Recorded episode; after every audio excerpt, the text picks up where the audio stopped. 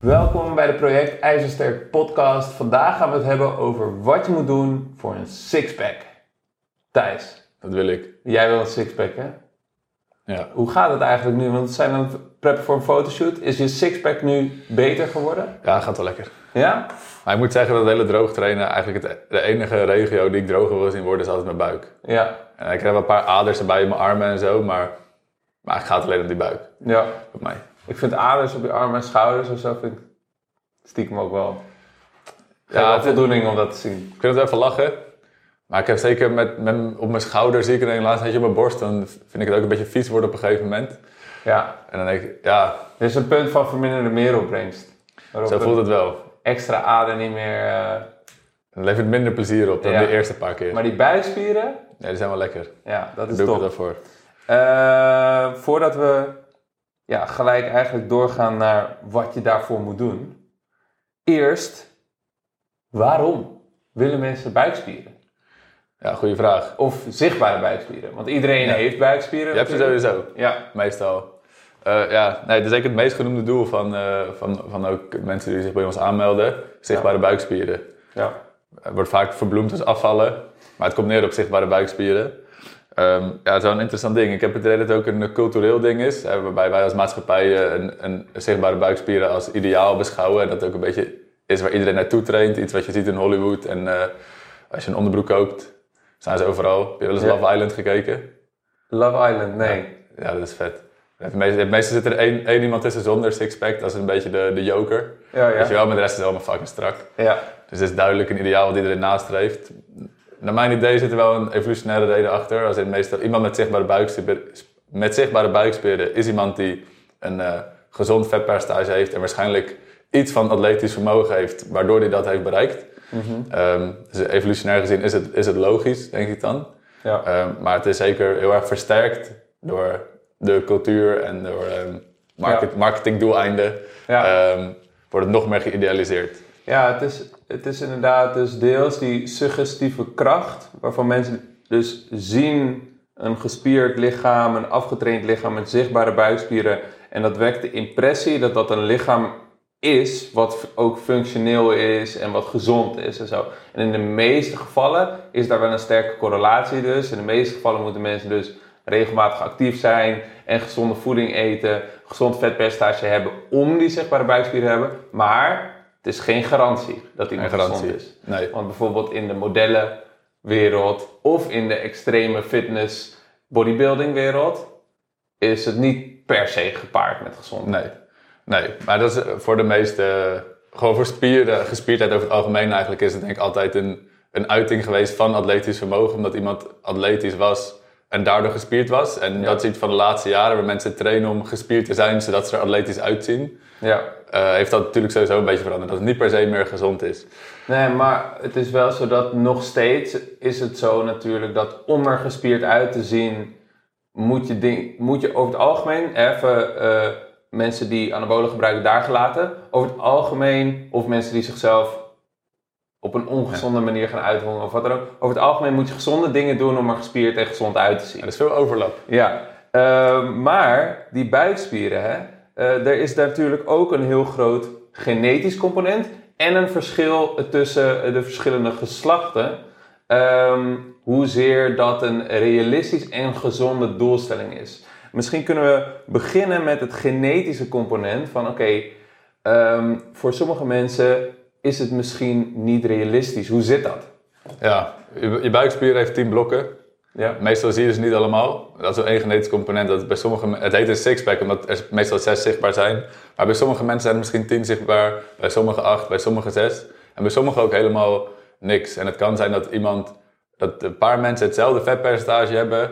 Eentje zie je eigenlijk niks, gewoon een platte buik. Zoals bij eh, The Rock, geloof Ja. ik, noemde jij net als voorbeeld. Ja. Ehm Eén iemand heeft misschien een sixpack en de ander heeft misschien een tenpack met aders erop. Ook hebben ze hetzelfde vetpercentage. Ja. Dus dat maakt het dan moeilijk eh, om te bepalen, oké. want voor de, ze zijn allemaal net zo gezond misschien. Maar Ja. ik denk niet dat ze allemaal evenveel buikspieren hebben. Nee, precies. Dus, dus de boodschap daar is dus dat ongeacht dat verschillende mensen hetzelfde vetpercentage en dezelfde, laten we zeggen, getraindheid hebben, ehm, kunnen de, eh, de- kan de visuele, eh, het visuele aspect van de buikspier toch heel erg verschillen.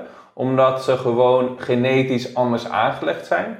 En dat wil dus ook zeggen dat de ene persoon super scheve lijnen heeft of asymmetrische buikspieren.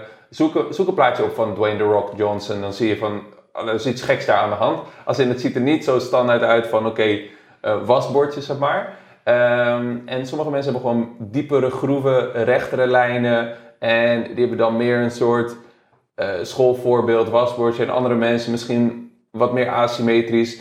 En die, daar kun je niks aan doen. Dus, eh, dus voor de meeste mannen is het misschien wel een goed streven om het vetpercentage te hebben waarop de lijnen die je hebt zichtbaarder worden eh, voor de gezondheid. Maar eh, daarbij wel ook in het achterhoofd houden dat daar een genetische component is en dat dus niet voor iedereen hetzelfde eruit zal zien. Ben je het daarmee eens? Ja. Oké, top. Mooi dat je er nog even... Ja. Ehm, Oké, maar voor vrouwen, hoe, hoe zit dat? Ja, dus voor mannen is er een duidelijke trend. Met een hoger vetpercentage eh, komt, er komen hogere gezondheidsrisico's. Hoe lager het vetpercentage, hoe lager de gezondheidsrisico's. Tot een bepaald punt. Maar waar dat punt waar het lager begint te worden, dat is, nou, laat zeggen gemiddeld onder de 13%, ehm, dan, dan verdwijnt dat positieve effect. Dan is minder niet per se beter. Maar dan kom je niet per ongeluk. Dan moet je echt je best voor doen. Eh, eh, dus of, eh, of je bent misschien ziek waardoor je dat hebt, of je bent heel veel aan het roken, of je hebt een, een misschien wat obsessievere levensstijl, of dat is echt een doel om daar te komen. Dus voor de meeste mensen die een gezonde levensstijl aanhalen, is minder vet eh, beter. Een kleine kanttekening daar is, is, vaak worden de percentages genoemd van vetpercentage, maar die percentages zelf zijn heel moeilijk te meten. Ja. Ehm, dus eh, hecht je daar niet te veel aan. Maar Ja, ik probeer dat ook altijd direct uit mensen hun, hun hoofd en focus te praten. Van, oh ja, ik wil graag naar zo'n zoveel procent en ik heb nu dit procent. ja, Want we kunnen het praktisch gewoon eigenlijk niet goed meten. En het is ook helemaal niet zo belangrijk. Want dat ongezonde, ongezond lage vetpercentage is zo extreem laag. Dat de meeste daar men- mensen daar zelfs met een extreem gefocuste levensstijl eh, niet zullen komen. Ehm, en als je dus dusdanig laag komt dat je daar negatieve gezondheidseffecten van gaat krijgen, dan ga je dat merken ook. ja, Eh, dus dan kun je jezelf ook een beetje corrigeren. Nou, dus we willen gewoon naar een vetpercentage waar mensen zich goed bij voelen. En dat beoordelen we dan vooral in hoe vind ik dat ik eruit zie en hoe voel ik me daadwerkelijk. En over het algemeen gaan mensen zich dus gewoon op een lage vetpercentage beter voelen en hebben ze het gevoel dat ze er beter uitzien. Maar dat eruit zien is natuurlijk heel erg een persoonlijke voorkeur-ding. Sommige mensen zullen zich lekkerder voelen, eh, voelen qua hoe ze eruit zien op een hoger vetpercentage, dat ook visueel mooier vinden. Niks meer missen. helemaal aan jou. Helemaal aan jou. Helemaal aan jou. Ehm, vrouwen hebben dus een, eh, eh, zijn daar anders in, omdat het minimale vetpercentage dat ze nodig hebben voor hun gezondheid hoger ligt dan dat van mannen. Ja, Dus om die visuele buikspieren te krijgen, moeten ze misschien meer gezondheidsoffers maken. Waar wij Ja. geen fan van zijn, denk ik. een stuk meer. Dat, dat vind ik, eh, ik vind het geen logische afweging. Nee, nee. Dus gezondheid opofferen voor je sixpack hoeven de meeste mannen niet te doen, maar veel vrouwen wel. Ja, En dat is een afweging eh, die je misschien, eh, nou ja, waar je goed over na wil denken natuurlijk. Ehm, Oké. Dat verhaal van essentiële vetten, dat ligt hoger dus bij vrouwen. Eh, kun je daar iets eh, over uitleggen hoe dat zit? Of, eh? Ja, sowieso is de hormoonhuishouding van vrouwen veel afhankelijk van, van ehm, een wat hoger vetpercentage. ja. En de, eh, de, is de vetplaatsing van vrouwen meer rond de heupen en benen. Wat Ja. vaak met veel minder risico's met zich meebrengt dan het vet bij mannen wat meer rond de buik zit.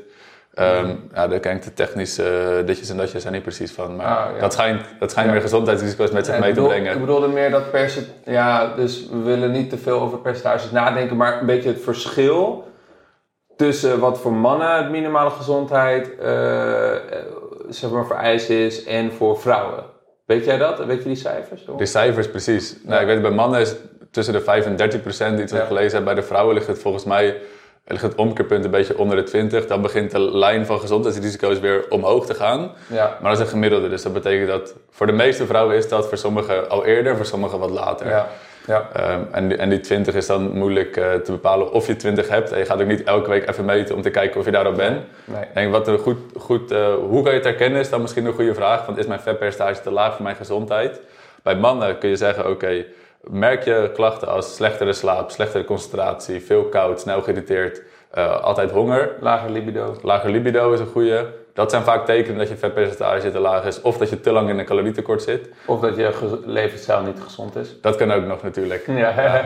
Eh, en bij eh, vrouwen is een hele goede, die is iets makkelijker meetbaar. Is als je cyclus ontregeld wordt of stopt, ja. dan gaat het niet goed. Dan Ja. is je hormoon, hormoonhuishouding kan niet worden onderhouden door je vetinname en vetpercentage. Je lichaam denkt van, nou fuck dit. Ja. Dan stoppen we hier ook gewoon mee. Ja. En dan weet je dat je te diep in je Ja. daling van vetpercentage zit. Ja. ja, en daarbij is dus die gezonde levensstijl natuurlijk wel een belangrijke kanttekening. Want als jij nou niet fucking droog bent, als man zijn even bijvoorbeeld, en je denkt, oh, mijn, ik heb wat lagere energie, zo zou ik misschien te laag vetpercentage hebben, maar ondertussen rook je, ga je vaak op vrijdag tot vier uur straks door met een heleboel alcohol en zo. En dan, ja, dan zijn dat soort factoren waarschijnlijk een veel grotere impact op je gezondheid dan je vetpercentage. Ja, ja zeker waar. Eh, Oké, tof. Maar dus eh, moeten we een sixpack willen? Nou, misschien. Eh, vrouwen misschien iets minder ambitieus dan, dan voor mannen, zeg maar op een gezonde manier. Eh, genen spelen, spreken, spelen een belangrijke rol. En natuurlijk persoonlijke voorkeur. Ik vind het ook wel mooi, een sixpack. Eh, kunnen we gezond zijn zonder sixpack? Net Ja. eigenlijk al een beetje... Eigenlijk wel. Want als je genen, misschien zijn jouw genen niet toelatend genoeg om een sixpack te hebben op een gezond vetpercentage. Ja. Dus dan heb je dat geval sowieso. En er zit ook nog een hele marge voordat je zichtbare buikspieren ziet waar je ook al gezond bent. Ja. Eh, en eigenlijk de, wat we zeggen is, voor, voor mannen in ieder geval, vaak is het hoe droger hoe beter tot een bepaald punt. Ja. Maar het betekent dat je voor dat punt niet gezond kan zijn. Ja, precies. En de belangrijkste factoren daar zijn dan eh, eh, daar, überhaupt, zeg maar, is meer je gedrag. Eet ik gezond? Beweeg ik regelmatig? Heb ik een sterke sociale cirkel? Slaap ik goed? Gebruik ik niet te veel drank en drugs? En zo, dat soort dingen hebben natuurlijk een hele grote impact op je gezondheid, ongeacht welk vetpercentage je hebt. Ja. En dus die gezonde marge van gewichten, vetpercentages, lichaamcompositie is best wel heel erg groot. Ja. Ehm, Oké, maar dan hebben we dus besloten, misschien heeft de luisteraar nu besloten, ja, ik wil een sixpack. Alsnog. Ik wil hem gewoon, want ik vind het mooi en eh, ik ben een man eh, of, of een vrouw die eh, dat alsnog wil proberen. Hoe gaan we dat doen? Hoe gaan we te werk? Wat is- zijn de belangrijkste factoren om die sixpack zichtbaar Ja. te maken? Ja, liposuctie en eh, implantaten. Dan ben je er zo. Ja, ook supergoed voor je gezondheid. Ja, als Ja. je daarnaast niet rookt, dan moet het goed komen. Eh, maar als je daar misschien eh, geen geld voor hebt, dat Ja. eh, begrijpen we natuurlijk. Dan zijn er ook andere manieren die je kan doen. Ja. Uh, het allerbelangrijkste is je vetpercentage. Mhm. Dat moet laag genoeg zijn om de buikspieren zichtbaar te hebben. ja. Dus daar moet je mee beginnen. En hoe krijg je dat naar beneden, Bernard? Nou, een calorietekort. Het zal eens niet. Gecombineerd met goede slaap en krachttraining. Bang. Bang, dat is het. Vet verliezen, spier behouden. Ja, ja dat is dat. Hoe is noemen we dat? Een droogtrainfase. Een droogtrainfase, ja, ja, ja. Ja, nee, dat is eigenlijk het allerbelangrijkste. Eh calorietekort, vetpercentage gaat naar beneden. Blijf Ja. krachttraining doen om spier te onderhouden. Blijf slapen om spier te onderhouden. En je metabolisme gezond eh, en goed te houden. Ja. Dat is het belangrijkste. Ehm, maar vervolgens vragen mensen zich wel eens af, vragen mensen zich wel eens af oké, moet ik niet wat extra oefeningetjes doen Ja, voor die buikspieren? ja. Wat zeg jij dan? Eh, zeg ik meestal, ja, dat kan. En eh, de vraag is vaak ook van, heeft het nut? En nou ja, de, de buikspieren, je zei het net al voor de podcast, is gewoon, zijn gewoon het is een spierweefsel. Dus het kan, het reageert op training. En dezelfde factoren zijn dan belangrijk als bij het trainen van andere spieren. Als we ze voor spiergroei willen trainen. Eh, daarbij denk ik wel dat het effect van training, zoals je net ook beschrijft, dat belangrijk is om te benadrukken dat ik, ik ervan overtuigd ben dat het effect van training op het visuele aspect van de buikspieren veel, veel, veel, veel kleiner is dan het effect van het vetpercentage en de genen. Veel kleiner. Veel kleiner. Maar als je dan eh, toch het maximale eruit wil halen, nou, dan zou je ervoor kunnen kiezen om die buikspieren op dezelfde manier als je biceps bijvoorbeeld te trainen. En dat wil zeggen eh, dynamisch. Dus we willen de buikspieren verlengen en verkorten. Eh, een, een slecht voorbeeld daarvan is een plank. Dat is een statische oefening. En een goed voorbeeld daarvan is eh, bijvoorbeeld een eh, rope crunch. Dat is een oefening waarbij je echt die, de, de rondbol maakt met een touw dat je vasthoudt. Of bijvoorbeeld sommige van die ab crunch machines die je hebt in de gym. even een voorbeeld. Ik, ik ben niet zo'n super groot fan van die machines. Ze staan niet overal. Maar het is wel een goed voorbeeld van wat een dynamische buikspieroefening zou zijn. En daarnaast willen we natuurlijk tot in de buurt van spierfalen trainen.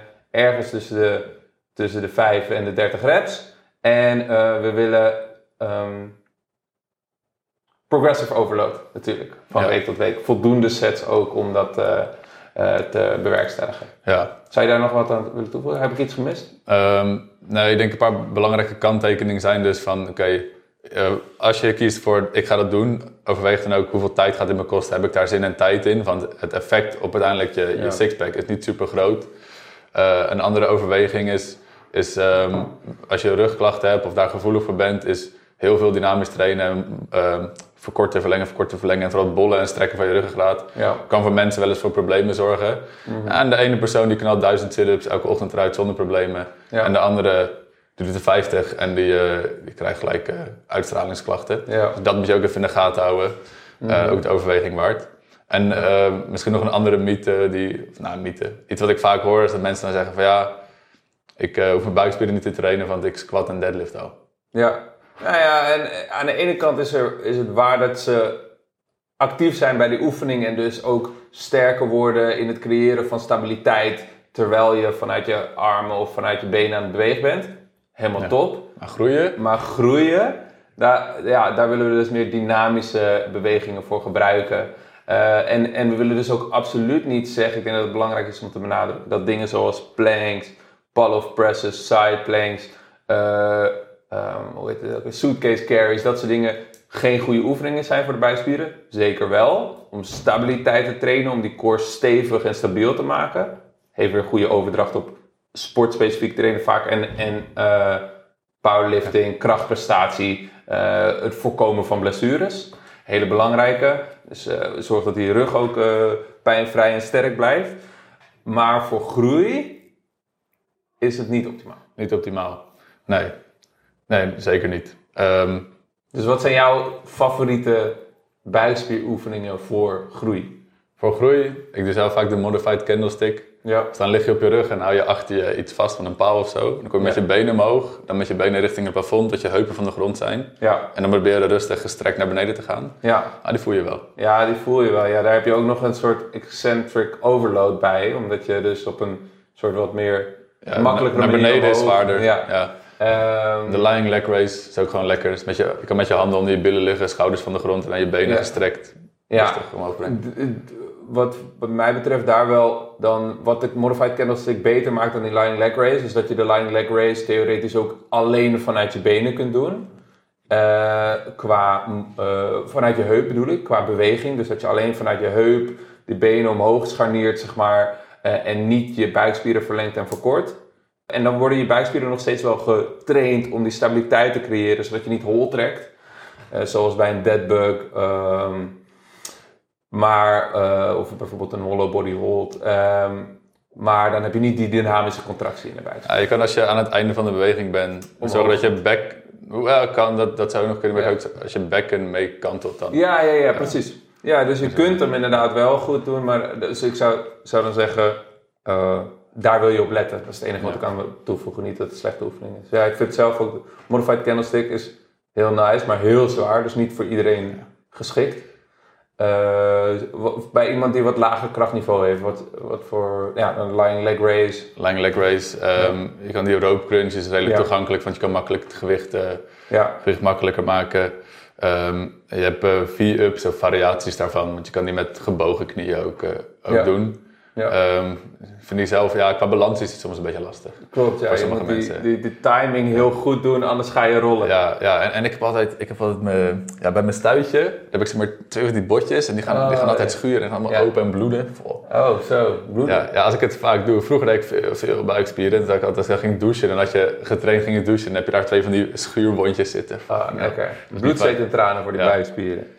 Oké, dus we willen dynamisch, we willen progressive overload, we willen de juiste intensiteit. En wat een belangrijk punt was van, oké, de tijd, er is altijd een afweging. Dus als we een uur hebben om te trainen en we gaan besluiten dat we 10 minuten of zo daarvan besteden aan een buikspieroefening, dan kan je die 10 minuten dus niet aan iets anders besteden.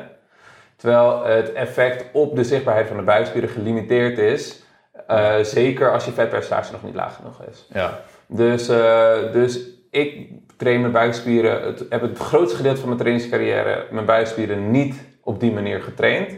Um, ik heb redelijk goed zichtbare buikspieren uh, op het vetpercentage wat ik het grootste gedeelte van het jaar heb. Dus ik ben er helemaal oké mee. Uh, om ze niet specifiek op die manier te trainen. Niet die tijd en energie te investeren in de buikspieren en wel in iets anders. Omdat ik dan liever mijn schouders wat breder maak of zo. Dan, ja. ik heb eigenlijk ook nooit... Uh, vroeger toen ik veel kickboxen deed ik heel veel sit-ups en zo. Ja. Dan heb ik eigenlijk denk ik, vijf jaar lang niks voor buikspieren gedaan. Dynamisch, wel heel veel isometrisch uh, gedaan. Ja. Ook altijd redelijk zichtbare buikspieren gehad. En nu voor die shoot doe ik wel wat dingen, maar toch een beetje wanhopig. Ik dacht, fuck, misschien sprankeltje hoop. Misschien helpt het wel echt veel. En dus ik heb nu doe ik het al een tijdje, maar ja, als ik veel verschil zie, denk ik dat vetpercentage heeft meer uitgehaald dan de, de modified candlestick voor ja. me. Ja, je bent goed droog geworden in ieder geval. Ja, lekker droog geworden, ja. Top, zo heb ik je al uh, sinds je powerlifting days niet meer uh, zo Weet je droog nog, gezien. vroeger. Ja, Ja, back in the day. ja. Uh, super vet. Oké, dus Eén eh, dingetje erover. ja. Plaatselijk vet verbranden. Dus als je buikspieroefeningen doet, Oh ja, stel dat het vet op je buik weggaat, dat gaat niet. Nee, Zo werkt het gewoon niet. laten we dat nog een keertje herhalen. Dus plaatselijk vet verbranden, Dat gaat niet. dat gaat niet. Nee. Oké, dus het is niet zo dat als ik mijn buikspieren train, dat mijn buikvet verdwijnt. Nee. Nee, belangrijke boodschap. Eh, dat is eigenlijk ook iets heel erg goeds, dat je lichaam zelf kiest zeg maar, eh, waar het vet laat zitten en waar het het verbrandt. Want bijvoorbeeld onder onze voeten hebben we ook vetopslag. En eh, als bijvoorbeeld bij hardlopers dat als eerste zou verdwijnen omdat ze hun voeten heel veel gebruiken, dan zouden ze binnen no time niet meer kunnen hardlopen. Dat is niet fijn. Nee. niet fijn. Eh, dus eh plaatselijk vet verbranden, daar zouden we niet eh, ons geld op inzetten. We willen een calorietekort om vet te verliezen. Dat is voor de meeste mensen tot op een bepaald punt goed voor de gezondheid. Nou, en natuurlijk ook met als vereiste dat we gezonde gewoontes zoals training en gezonde voeding gebruiken om op dat punt te komen. Eh, we willen dynamische oefeningen met progressive overload en de juiste intensiteit gebruiken om die buikspieren te trainen voor spiergroei. Statische oefeningen voor kracht of voor eh, blessurepreventie. En eh, ja, succes. Ja, dat is het denk ik wel. Tof. En ehm, ja, goed licht. Goed licht helpt ook. Ja, Het liefst van boven, natuurlijk licht. ja. Supergoed. Dan een beetje achteroverleunen, aanspannen en uitblazen. Dan komen ze het beste erop eh, Ja. op de foto. super. Voor je vakantiefoto's. Cool. Vonden jullie dit nou een waardevolle podcast? Ga jij voor die sixpack of ken je iemand die voor een sixpack wil gaan en eh, voor wie deze informatie nuttig is? Dan zou het echt heel erg tof zijn als je deze eh, podcast kan delen op WhatsApp, met vrienden, met familie. Deel hem op Instagram. Dan kunnen wij meer mensen bereiken en helpen om groter, sterker, droger, gezonder te worden. En daar zijn we jullie oneindig dankbaar voor. Tot de volgende podcast. Doei!